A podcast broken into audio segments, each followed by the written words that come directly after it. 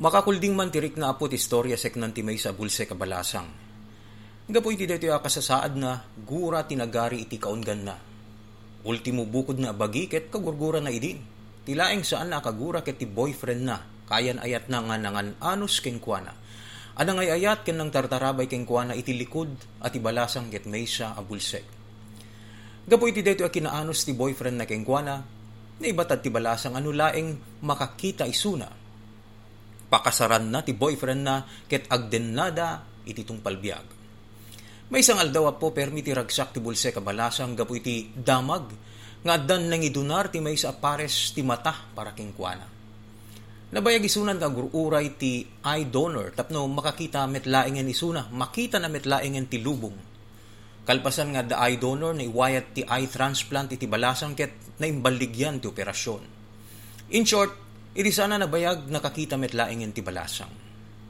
Kalpasan na nakakita ti balasang pinasyar isuna ti boyfriend na anag kuna. Itan ta makakita kan. Sapay kumatatong palem ti karim amikikalay sa kanya. Ngemamuya po, permiti panaklaat ti balasang iti mingmingan na ti boyfriend na.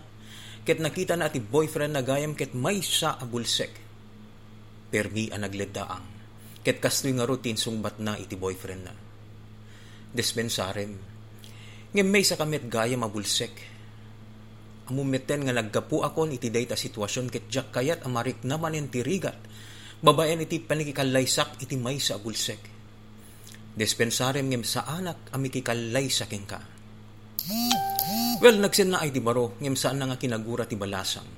Ngem kinunana, ala respetarek ti desisyon mo. Adalaing may sakit daw ko ka Tigid daw ko ket sapay ko matestimare manasaya at digiti matak.